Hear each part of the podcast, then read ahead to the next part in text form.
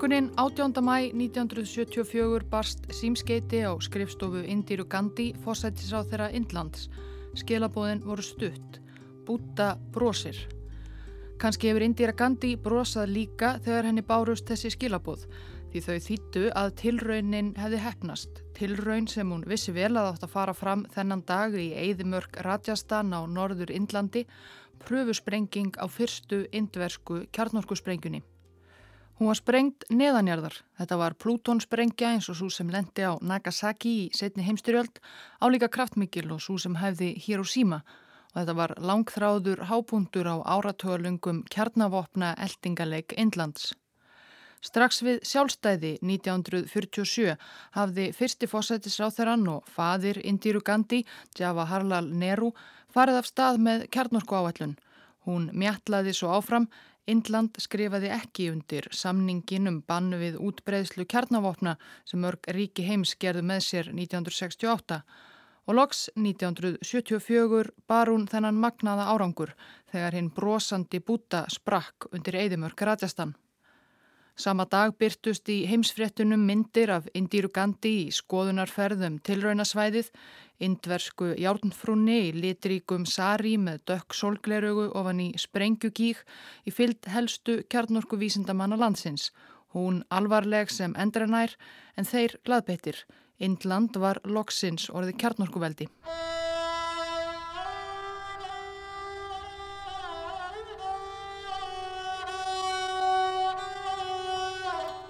En það brostu ekki allir svo breytt, allra síst í grannríki Indlands til norðvesturs Pakistan.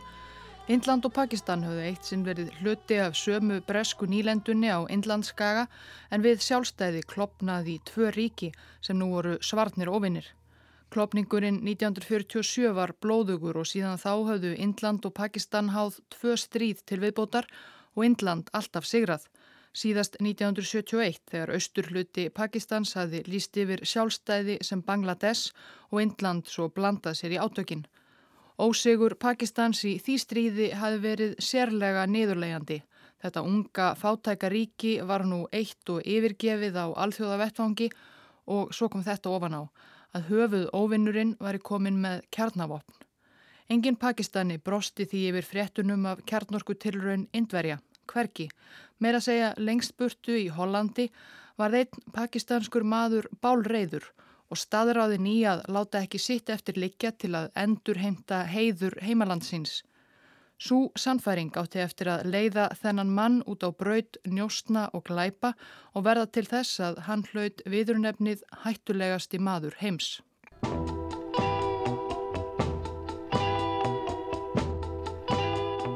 Abdul Qadir Khan fættist 1936 í borginni Bhopal í miðju Indlandi. Indland var þá enn brest og í einu lægi. Foreldrar Abdul Qadir Khans voru múslimar eins og um það byl helmingur íbúa Bhopal á þessum tíma, restinn hinduar. Fjölskylda Abdul Qadirs sem síðar á lífsleiðinni var alltaf kallaður eftir upphafstöfum sínum AQ var ágætlega stæð og AQ var ef markam á æfisögur hans sem eru þó flestar nokkuð fægraðar afburða góður námsmaður frá unga aldri og þægur kurteis og trúrækin með öðrum orðum flest það sem príðamátti góðan íslamskan dreng. Kanfjölskyldan var ekki meðal þeirra miljóna indverskra múslima sem flúðu yfir til hins nýstopnaða íslamska Pakistans 1947. Þau voru áfram í henni indversku bópal en eftir 47 varð óumdeilanlega erfiðara að vera múslimi í bópal, spennan meiri og tækifærin ferri. Þegar Akku Khan kláraði gagfræðaskólan 16 ára 1952 ákvaðan að flytja yfir til Pakistans. Eldri sískinni hans höfðu þá þegar farið sömu leið. Það var ekki skemmtilegt ferðalag. Í langri lestarferðinni að landamærum Pakistans voru múslimar áreittir linnulöst og niðurlægðir af hindúskum lestar og landamæravörðum. Eigum þeirra var stólið eða þær gerðar upptækar. Akku Khan tapaði sjálfur bara einum penna á ferðinni.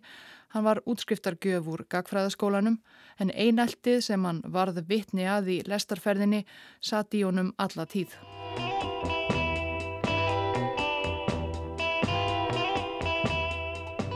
Aku Khan setti staði í borginni Karachi og las raunvísindi í háskóla. Þetta voru mikil umróts ár í pakistanskum þjóðmálum. Landið var að feta fyrstu skrefin á braut sjálfstæðis og jafna sig á hryllilegum klopningnum. En háskólapilturinn Aku Khan sökti sér í bækurnar og síndi stjórnmálum lítinn áhuga. Eftir útskrift 1960 söðlaði hann um 24 ára og flutti til vestur Berlínar í framhaldsnámi Málmverkfræði. Margir ungir pakistanskir menn gerðu þetta ef þeir höfðu völ á, leituðu til útlanda eftir frekara námi og frekari tækifærum. Akku Khan kom sér vel fyrir í Evrópu. Hann var fljótur að læra þýsku, stundaði námið af atorku og í fríum ferðaðistannum vestur Evrópu. Í heimsókn í Haag 1962 kynntist hann hollenskri stúlku, Henny, og þau giftu sig ári síðar í Hollandi. Þar helt Kahn áfram námi sínu og svo lág leið ungu hjónana til Belgíu þar sem þau eignuðust tvær dætur og A.Q. lauk doktorsnámi í Málmverkfræði 1972.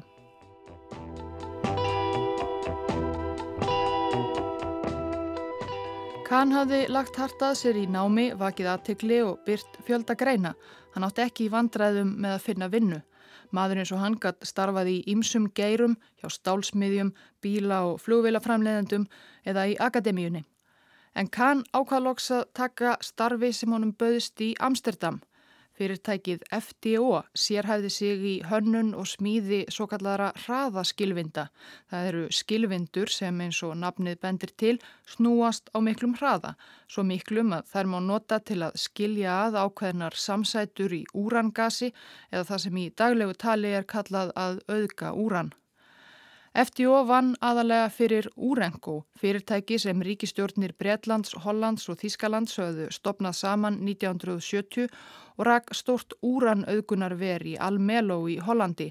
Það sá með hjálp skilvindana frá FDO mörgum kjarnorkuverum vestur Evrópu fyrir elsneiti.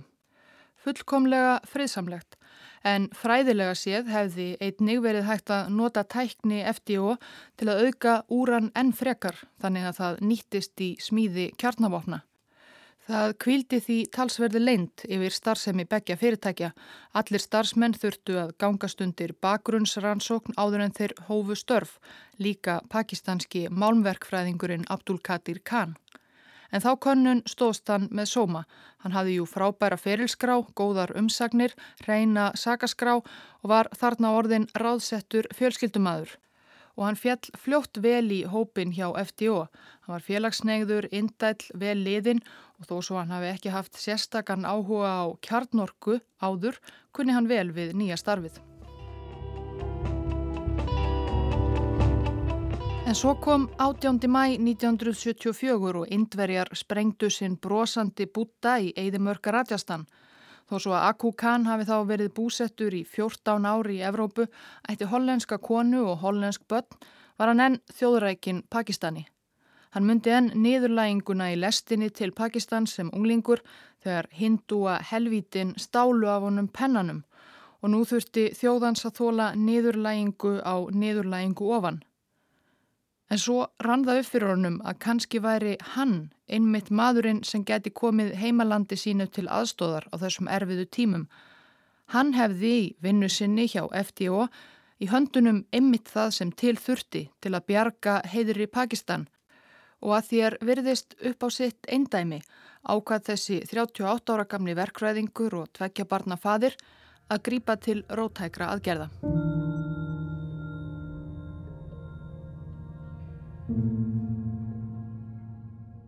Ekki löngu eftir kjarnorkutilraun Indverja skrifaði Aku Khan Sulfikar Ali Bhutto fórsættisrað þeirra Pakistans bref þar sem hann vakti aðtikli á sjálfum sér og bauð fram aðstóð sína.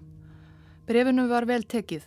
Í desember sama ár fór Khan með fjölskyldu sína í frí til Karachi en létt verað minnast á það við vinnufélaga sína að á dagskráferðarinnar var einnig fundur með sjálfum fórsættisrað þeirra Pakistans.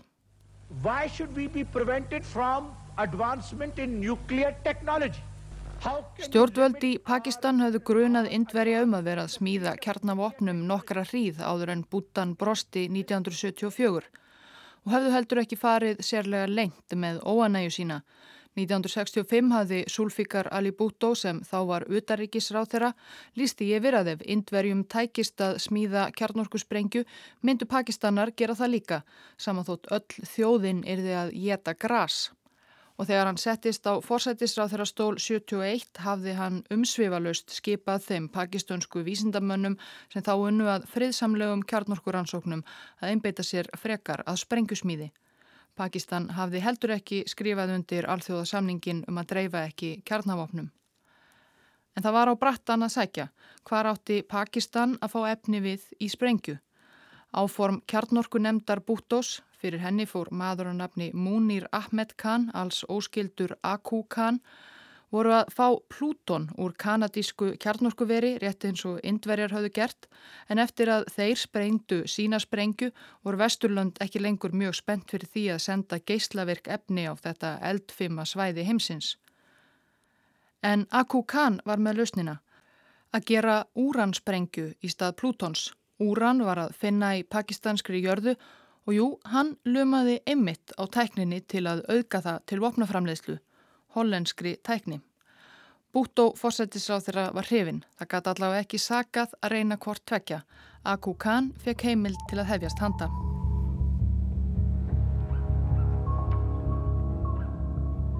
Khan þurfti reyndar ekkert leifi því hann var þegar byrjaður. Hausti 1974 hafði hann fengið verkefni í vinnunni að þýða háleinilegar skilvinduteikningar úr þýsku yfir á hollensku. Hann talaði bæði tungumál reybrennandi. Þá notaði hann tækifærið og þýtti gögnin um leiði yfir á móðrumál sitt úrdú. Þegar kollegar spurðu hvað hann væri að pára á útlensku, saðist hann einfallega verið að skrifa bref heim til fjölskyldunar og þessu hjælt hann áfram vikum saman. Eftir fundin með forsætisráþrannum hjælt hann fíleldur áfram, sapnaði öllum upplýsingum og gögnum sem hann gatt, fór í skilvindu verið í Almelo, ráfaði þar um ganga og tók myndir. Engin spurði hvað hann væri að vilja. Í lok vinnudags laumaði hann ímsum smágræjum ofan í skjálatöskuna sína og sendið þær svo áfram til Pakistans. Fáir tóku eftir nokkru óvinnulegu í fari Aku Khans þennan veturinn. Hann var áfram vinalegur og vel liðinn meðal starfsmanna FDO. Já, reyndar einn ágætur vinnur Khans á skrifstofinni, Fritz Ferman, var einhleipur, skilvindu nörd eins og Akú sjálfur og oft matargestur á fallegu heimili kanhjónana og dætra þeirra. Eitt kvöldið tók Ferman eftir því að á skrifborði Kans voru teikningar sem hefðu ekki átt að yfirgefa vinnustæðin. Þegar Ferman spurði út í þetta eftir Kan Öxlum og saði að eiginkona hans hún henni væri bara að hjálpa honum að þýða. En eftir þetta atvik fóru grunnsemdir fermannsum vinsinn að magnast smátt og smátt. Hann fór að taka eftir undarlegu hátterni, óutskýrðu rápi, laungum símtölum á útlensku. Hann fór að óttasta versta, að vinur hans geti verið njósnari.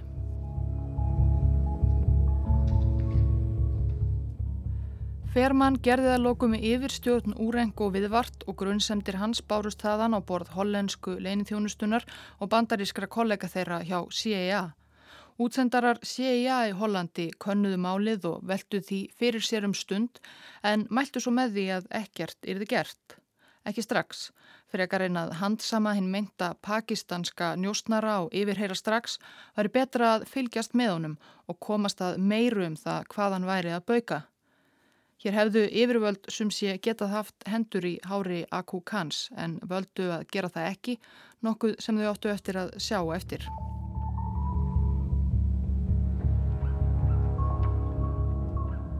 Þegar leiðað jólum 1975 fór Aku Khan með fjölskyldu sína í annað frí til Pakistans. Í þetta skipti snýri hann aldrei aftur.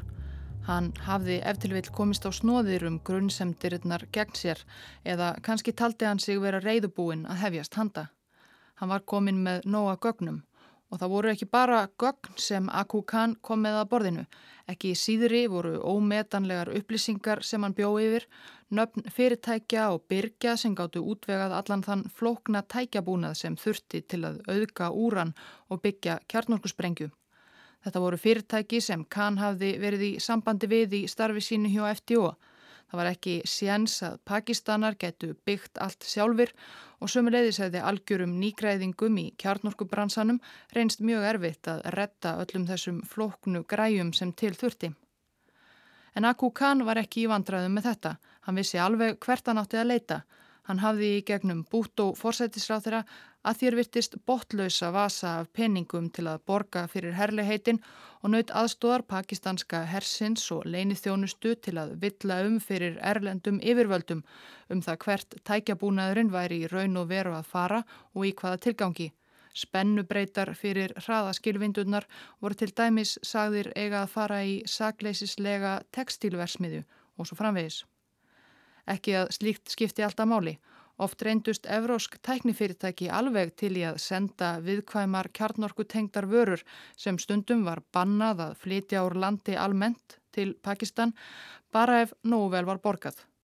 Og það var Aku Khan ekki í vantræðu með.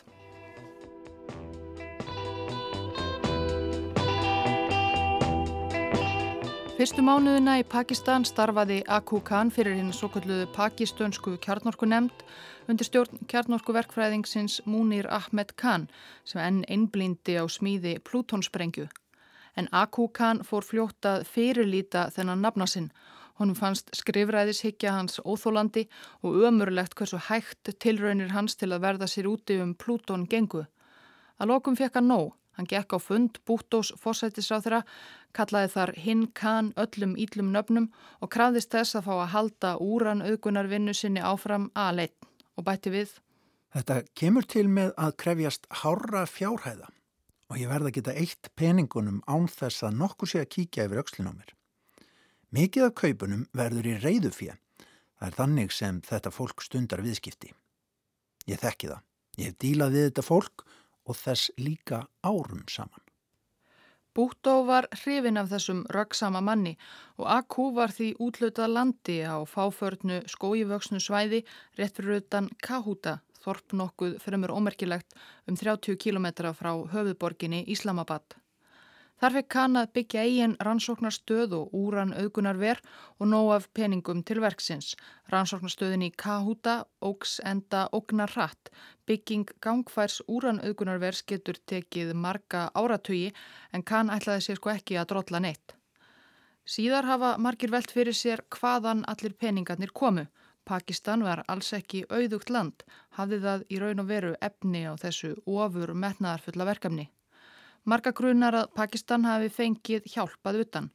Pakistanskir ráðamenn og Aku Khan sjálfur gerðu mikið með það að nú loksins væri Íslamst ríki að koma sér upp kjarnorkusprengju. Hindúar voru komnum við sprengju, kommunistar áttu sprengju, hinn kristni heimur átti mörg þúsund sprengjur en muslimar enga. Þetta var því ekki bara Pakistansk mál heldur kapsmál fyrir gervallan hinn íslamska heim.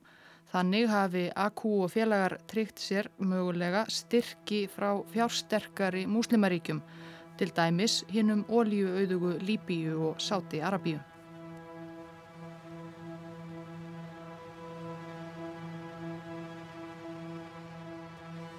En allavega, það fór ekki fram hjá CIA og félögum að Pakistan væri eitthvað að bauka við kjarnorku. Lengst af heldu flesti reyndar bara að Pakistan væri að reyna að smíða Plútonsprengju eins og indverjar og því var reynd að koma í vekk fyrir að landið geti náð sér í Plúton. Að auðga úran var talið allt of flókin tækni til að þið fátæka frumstæða Pakistan geti nokkuð tíman náð tökum á henni. Atamnasemi Aku Khans víða um heim vakti þó aðtegli. Eftir að hann flúði frá Hollandi var hann komin á radar CIA og annara vestrætna leinithjónustustofnana. Þær vissu að þetta væri einhver sem ferðaðist mikið og tengdist pakistönsku kjarnorku áætluninni. En alls ekki hvernig eða hversu mikið eða nákvæmlega hvaðan væri að gera. Árið 1980 greindi breska blæðu Observer frá grunnsemdum um að A.Q. nokkur Kahn hefði stólið hollenskri kjarnorkutekni. Kahn sjálfur hikaði þá ekki við að skrifa til blæðsins og verja sig. Grein Colin Smith og Siam Batia um Pakistan var svo lágkúrleg að það er reynasta móðguna ég þurfi yfirleitt að leiða hugan aðinni. Hún var, í stuttumáli, kæftæði fullt af legum, dilgjum og léleri bladamennsku fyrir peninga og aðtikli. Siambatia Hindúa helviti gæti ekki skrifað eitt hlutlaust orð um Pakistan. 1979 hafði Der Spiegel fjallað um kjarnorku áætlun Pakistans og kann þá svarað í brefi til blaðsins. Ég leifi mér að evast um anskotans yfirlætið í Amerikunum og bretum. Eru þeir anskotans skipaðir til þess af Guði almáttugum að vernda veröldina með því að stapla upp hundruðum þúsunda af kjarnátum? Og hafa þeir fengið uppáskrift frá Guði um að mega sprengja í hverjum einasta mánuði? En ef við setjum örlittla kjarnorku áallun í gang, þá erum við Satan, við djöflanir. 1980 var Aku Khan dæmdur til fjögur ára fangelsis fyrir hollenskum domstól fyrir njósnir, leinimakkið hjá FDO fimm árum áður. En hann var þá löngu orðin stórkarl í Pakistan, mætti auðvitað ekki í hollenskan réttarsal og ekki heldur í fangelsið. Þegar nýjundi áratúrin gekk í garð stækkaði úran auðgunar ver Kansi Kahuta á nær undraverðum hraða. Það var alltaf nóg af peningum og Kan auðgæðist líka sjálfur, lifði hátt og byggði glæsivillur fyrir sig og fjölskyldu sína. Hann átti pennavinn í Kanada, pakistanskan kjarnorkuverkvæðing. Í brefum til hans lísti Kan uppbyggingu kjarnorkuversins með all förðulegu dölmáli. Nú er stíplan tilbúin. Fyrir viku settum við vassflæðið á og nú er tjörnin full. Það er orðið ansi fallegt. Nú erum við að reyna að komast að því hvar við getum útveðað okkur fiska til að setja í tjörnina, til að glæðja veiðimennina, vinn okkar. Vonandi koma svo í vetur endur frá Rúslandi. Á skrifstofu sinni let Kahn sérmála stort og dramatíst málverk af brennandi lest fullri af múslimum þraut píndu flótafólki á leið frá Indlandi til eins nýja Pakistans 1947 til að minna ná takmark sitt og hver óvinnurinn væri. Hann fyrirleit líka enn annan óvinn, Munir Ahmed Khan hjá pakistönsku kjarnorkunemdini Plúton dæmi hans gekk ekki sérlega vel en Akku Khan tók eftir því að vísindamenn hins Khans voru farnir að sinna öðru líka. Þeir voru farnir að huga að smíði sjálfrar sprengunar og flugskeita sömu leiðis. Akku Khan vildi að sjálfsögðu ekki að keppinautur hans skákaði honum þar svo hann let starfsmenn sína líka fara að vinna að smíði sprengjóta og flugskeita Fyrir slík verkefni þurfti Kana leita fanga fyrir utansitt hefðbundna tengslanett evróskra fyrirtækja og braskara. Hann vikaði sjóndeldarhingin og nú barst honum meðal annars aðstóð frá kommunistaríkunum Kína og Norður Kóriu.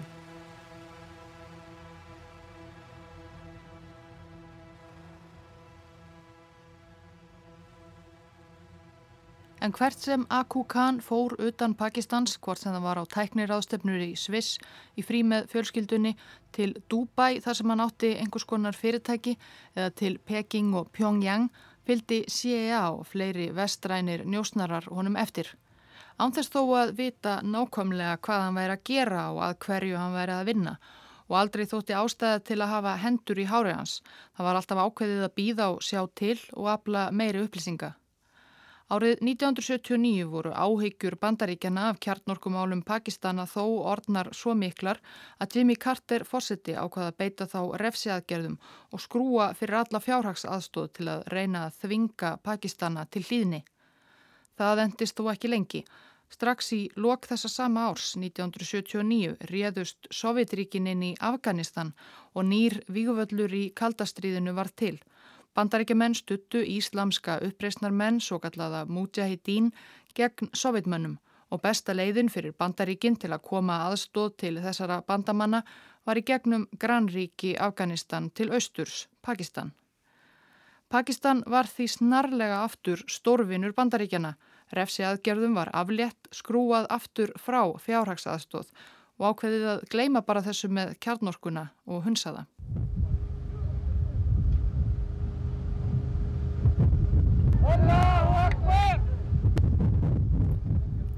Við förum all nokkur ár fram í tíman. 28. mæ 1998 sprengti Pakistan sína fyrstu tilrauna kjarnorkussprengu. Reyndar voru þær fimm talsins sem voru sprengdar hver á eftir annari og einn til viðbótar daginn eftir. Sprengingarnar voru neðanjarðar undir fjallinu Tjaki í Balókistan í suðvestur hluta landsins. Á sjónvarsmyndum á sjá reik og reik stíga upp frá fjallinu eins og það sé að leysast upp að innan. Á myndum og einnig sjá ísindamennina sem stóðu að tilrauninni á vettvangi Sigri Rósandi. Aku Khan, þá orðin 62 ára, var auðvitað þar á meðal og það var sérilagi hann sem var hildur sem hetja þegar hann kom heim til Íslamabad. Þetta voru jú úransprengjur og þetta var allt honum að þakka. Fadir pakistönsku sprengunar var hann kallaður, bjargvættur, lands og þjóðar, alveg eins og hann hafi hugsað sér að verða þegar hann flúði Holland með stolnar skilvindutekningar 24 árum áður.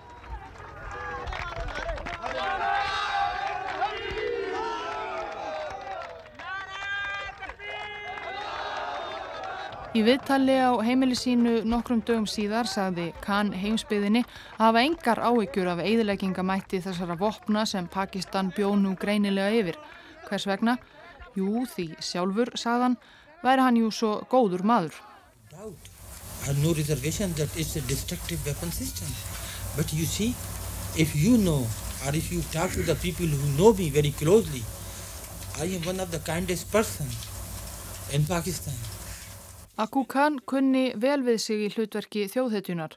Hann átti alltaf glás af seðlum, lifiði áfram hátt og var ósnertanlegur eins og gerðnan er með áhrifa og auðmenni í Pakistan þar sem spillingin ræður umfram flest annað. Eins og til að undirstryka það byggði hann sér enn eina glæsivilluna á sérstöku vassverndarsvæði í Granborg Íslamabad, Rawalpindi. Þar var harðbannað að byggja en það gæti enginn stoppað sjálfan Aku Khan. Og svo var hann jú svo góður maður. Hann gaf háar fjárhæðir til góðgerðarmála, hann styrti skóla og önnur góð málefni við sveðarum landið. Hann var alltaf til í að hjálpa lítilmagnanum, en það var hann góðmenni, eða hvað.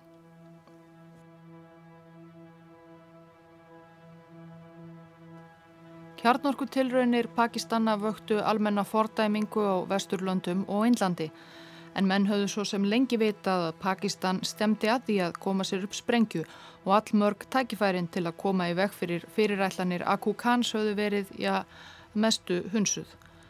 Af hverju hafði Pakistan samt óbimberað sig sem kjarnorkuveldi einmitt þarna 1998? Það var greinilegt, tveimur vikum fyrir höfðu indverjar sprengt kjarnorkusprengju í tilraunaskinni í annað sinn 24 árum eftir hinn brosandi búta. Pakistan var þá auðvitað að bræðast við. Á nefa hefur Aku Khan bara fagnað. Því flest bendir til þess að 1998 hafi Pakistan verið löngu, löngu búið að koma sér upp tækninni til úranauðgunar og sprengusmíði. Það tók Khan og samstagsmenn hans í raun bara nokkur ár eiginlega undraverður árangur. Strax um 1983 er talið að rannsóknarstöð Kans hafi verið farin að auðga vopntækt úran og smíði á flugskeitum og kjarnáotum var sömulegis langt komin. En til að stefna ekki hinnu príðiskóða sambandi Pakistans og Bandaríkjana í hættu var ákveðið að gera þennan árangur ekki ofinberan strax. Það hafi kannski tekið nokkuð á Aku Kana þurfa að liggja á afreikum sínum árum saman, mega ekki segja nokkrum frá. Hann var jú frekar ánæður með sig almennt og hand vissum að starf hans væri pakistönsku þjóðinni í hag. En ef sprengjan var löngu tilbúin, hvað hafði hann þá verið að fást við öll þessi ár? Annað en að auðsa fér til góðgerarmála það er úr vösum sem virtust óþrótandi og hvað meira hafði sé á félögum yfirsjast þegar komað hinnum dularfulla Aku Khan.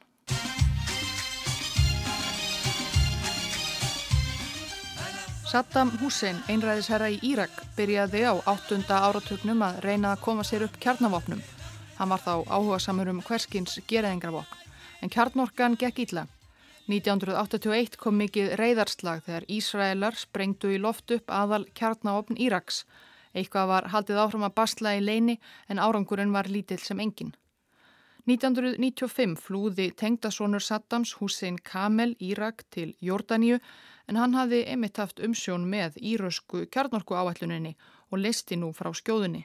Meðal gagna sem fundust í fórum tengdasonarins var skýrsla frá írösku leinithjónustunni um tilbóð sem henni hafi borist 1990. Hingað barst tilbóð frá pakistanskum vísindamanni, doktor Abdul Kader Khan, um aðstóð við auðgun úrans og smíði kjarnavopna. Hann er reyðubúin að gefa okkur tekníkar af kjarnorkusprengju og getur tryggt allan nöðsynlega íhluti frá vestur-Evrópu í gegnum fyrirtæki sem hann rekur í Dubai. Ástæða tilbósins er hagnaður fyrir hann og milligöngumann. Framkoma þessi pakistanski vísindamæður vildi fá 150 miljón dollara fyrir þjónustu sína. Kanski bara helviti góður dýll. En Saddam hafnaði bóðinu að sögn af því að hann ótaðist að vísindamæðurinn væri flugumæður eða hreitn uppspunni undan revjum CIA. En það var alls ekki raunin. Hér hefðu reyndar CIA og bandamenn þeirra á tækifæri á því aftur að hafa hendur í hári Aku Kans. Hér var 1995 enn einn vísbendingin um að það væri ekki alveg allt með feldu við þennan pakistanska kjarnorkuvísindamann.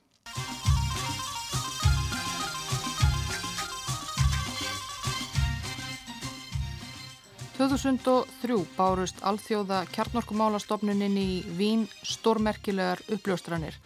Að kjarnorku ávætlun Írans væri miklu lengra komin og umfangsmeiri en talið var og að meðal annars væri farið að gera tilraunir með auðgun úrans á afskeftung stað í íraunsku eðimörkinni. Þetta þótti strax mikið áhyggju efni í vestri að þið ódreiknanlega klerkaveldi Íran sem hataðist við bandaríkin og allt vestrænt væri mögulega að reyna að koma sér upp kjarnavopnum, nokkuð sem Íran hefur reyndar alltaf þvertekið fyrir og helt því áfram þarna. Nánari umfjöllunum sögu kjarnorku áallunar Írans má finna í öðrum þætti í ljósi sögunar. En að loknu miklu diplomatísku stappi fengu eftirlitsmenn frá alþjóða kjarnorkumálastofnuninni að fara til Írans að kanna málinn til að tryggja að það væri ekki vopnaframleðsla sem væri takmark íranskra kjarnorkuvísindamanna. Eftirlitsmennir voru þölvanir sérfræðingar. Úti í eðimörkinni síndu íranskir kollegar þeirra þeim afreiksín hingað til pröfu úranauðgunarver sem þeir voru einmitt að fylla af hraðaskilvindum Þær voru þeirra eigin íranska hönnun, sögðu þeir bara nokkuð stoltir, allt byggt á þeirra eigin rannsóknum. En það tók einn breskan eftirlitsmann ekki nema um tíu sekundur að eigin sögn að bera kennsl á skilvindurnar sem íranarnir voru að skrúa saman. Þar voru alveg eins og hollenskar hraðaskilvindur sem eftirlitsmaðurinn hafi kynst á áttunda áratögnum. Skilvindur frá fyrirtækinu FDO í Amsterdam gamla vinnustad Aku Kans. Þegar eftirlitsmennir kröfðu Írani svara, þeir hafðu greinilega ekki hannað og smíðað þessar skilvindur alveg sjálfur, þá játuðu þeir nokkuð auðveldlega. Jú, mikið rétt, þeir höfðu árum saman verið í leynilegum viðskiptum við pakistanskan vísindamann sem hafi selgt þeim bæði teikningar að hraðaskilvindum og ymsan búnaði gegnum skúfufyrirtæki í Dubai og aðra milliliði í miðausturlöndum og í Evrópu, Aku Khan. Fulltrúar Khans og sendimenn frá Íran hafðu fundað fyrst í Dubai 1987 Þá letu pakistanarnir af hendi teikningar af hollensku skýrvindunum og fengu í staðin tjekka upp á þrjár miljónir dollara. Nú var það sem spilaborgin sem Aku Khan hafði greinilega verið að byggja upp áratugum saman hrundi. Í loksama árs 2003 tilkynnti einræðisherran í Líbíu, Muammar Gaddafi, að hann vildi komast aftur í faðum alþjóðasamfélagsins eftir áralanga einangrun. Ástæðan var svo að Gaddafi vildi ekki enda eins og kollegi sinn í Írak, hann Saddam Hussein, sem hafi þá verið hrakinn frá völdum eftir bandaríska innrás og endað ofan í hólu eins og hverjanur rotta. En meðal þess sem Gaddafi saðist vera tilbúin að gera til að hljóta aftur viðurkenningu heimsins var að losa sig við öll gereyðingarvopn, þar á meðal kjarnavopn.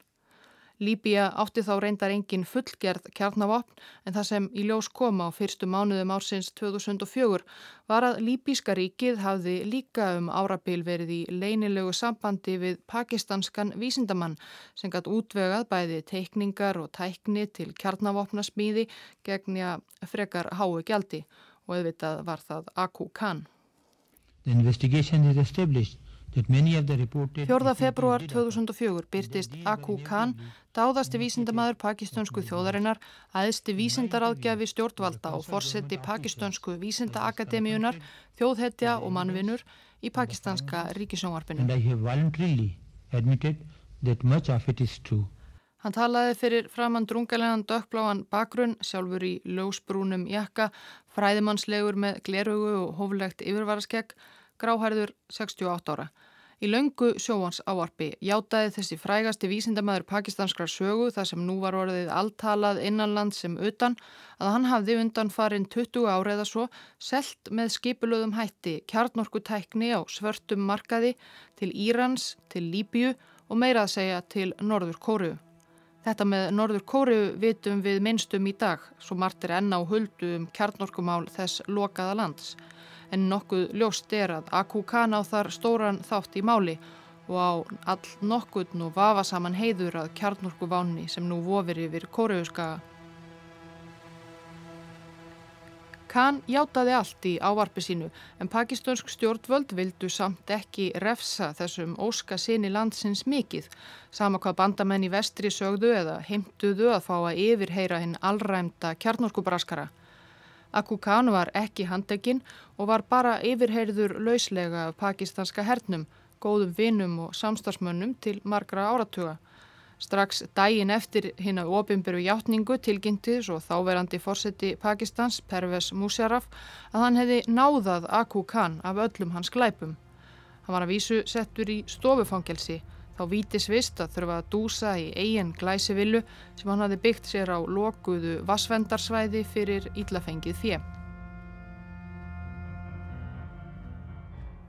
Kjarnorku áallun Írans hefur verið alþjóðlegt bitbein árum saman. Spenna vegna kjarnorku uppbyggingar Norður Kóru eikst stöðugt. Í báðum tilvikum getum við þakkað Khan. Svo var það Líbia, ekkert gekk að selja til Saddams Hussein í Írak Einnig er talið að Kahn hafi lengi reynd að bjóða vörur sínar og þjónustu stjórnvöldum í Sýrlandi en þeir Assad feðgar forsetar ekki haft áhuga, kannski eins gott. Seint á nýjunda áratögnum á einn af milliliðum Kahns að hafa farið til Suður Afríku í vonum business þar en Suður Afríkumenn voru þá þegar komnir með sínar eigin úran skilvindur og áttur reyndar eftir að gefa kjarnorku áætlun sína upp á bátinn 1991 er þá kúnahópur Akukans upptalinn. Þeir sem hafa ringt í þær upplýsingar og vísbendingar sem til eru segja að þetta stemmi ekki alveg allt. Vitað séum sendingar á skilvindum og tækjabúnaði sem ómögulegt sé að segja til um hvar hafi endað eða hvert hafi átt að fara. Einn kenning er að Kahn hafi átt sér fjórða kúnan. Fyrir því eru fleiri sannanir meðal annars óljós vitnisburður samstagsmanna hans. En hver kúnin var vitum við ekkert um. Það eru bara tilgátur. Kanski Sýrland, eigum við að treysta því að Bashar al-Assad Sýrlandsforsetti segi satt um það að hann hafi engan áhuga haft á kjarnorku gillibóðum kans. Eða kannski var það ríki sem lengi hefur verið grunnað um að hafa styrt kjarnorku áætlun Pakistans með ríkulegum fjárframlugum, ríki sem á nóg af peningum og er svo diggur bandamaður Vesturlanda að þau þóra lítið að skipta sér af því, Sáti Arabia. Gætu sátar hafa reynd að koma sér upp kjarnavopnum á þess að nokkur tæki eftir eða Egiptaland, Kuveit, Sútan. Það eru bara tilgátur, engar sannanir. Bandarískur sérfræðingur í kjarnorkupólitík Joshua Pollack skrifaði 2012 greinum kenningu sem hann viðurkennir að kunni að hljóma fjärstæðukend. Kanski sé ástæða þess að Kahn hafi ekki minnst á fjóruða kunnan í hjáttningum sínum svo að hann geti með engum móti viðurkent einmitt það. Það eru nefnilega bara þrjú lönd sem vitað er til að noti skilvindutækni áþekka þeirri sem Pakistanar nota. Íran og Norður Kórea, Kunnar, Aku Kans og svo er það Indland. Indverjar sprengdu Plútonsprengju strax 1974 eins og við vitum en tilraunir þeirra til að auðga úran gengu miklu hægar. Það var ekki fyrir en þegar liðið var á tíunda áratugin að farið var að veita því aðtegli erlendis að Indverjar pöntuðu í stórum stíl ímiskonar tækjabúnað til að smíða hraðaskilvindur. Skilvindur sem virtist svipa til þessara gömlu hollensku, þið vitið. Og indverjarnir voru meira að segja í einhverjum tilvikum að skipta við sömu evrósku fyrirtæki og braskara sem höfðu verið í sambandi við Aku Khan.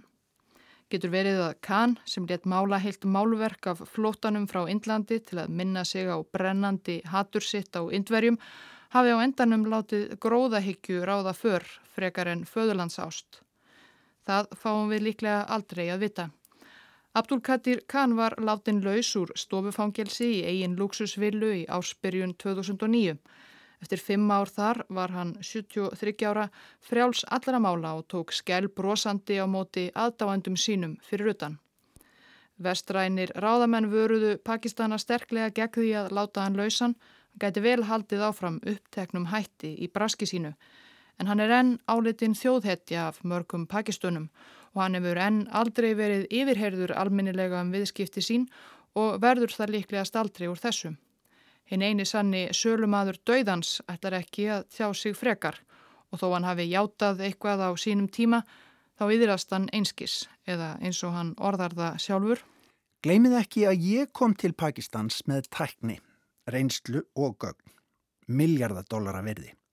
Án minnar þekkingar og minnar reynslu gæti Pakistan aldrei, ég endur þeg aldrei hafa orðið kjarnarkuveldi. Það er út af mínu frumkvæði, minni þekkingu og mínum afrekum sem Pakistan getur í dag verið stolt þjóð meðal þjóða.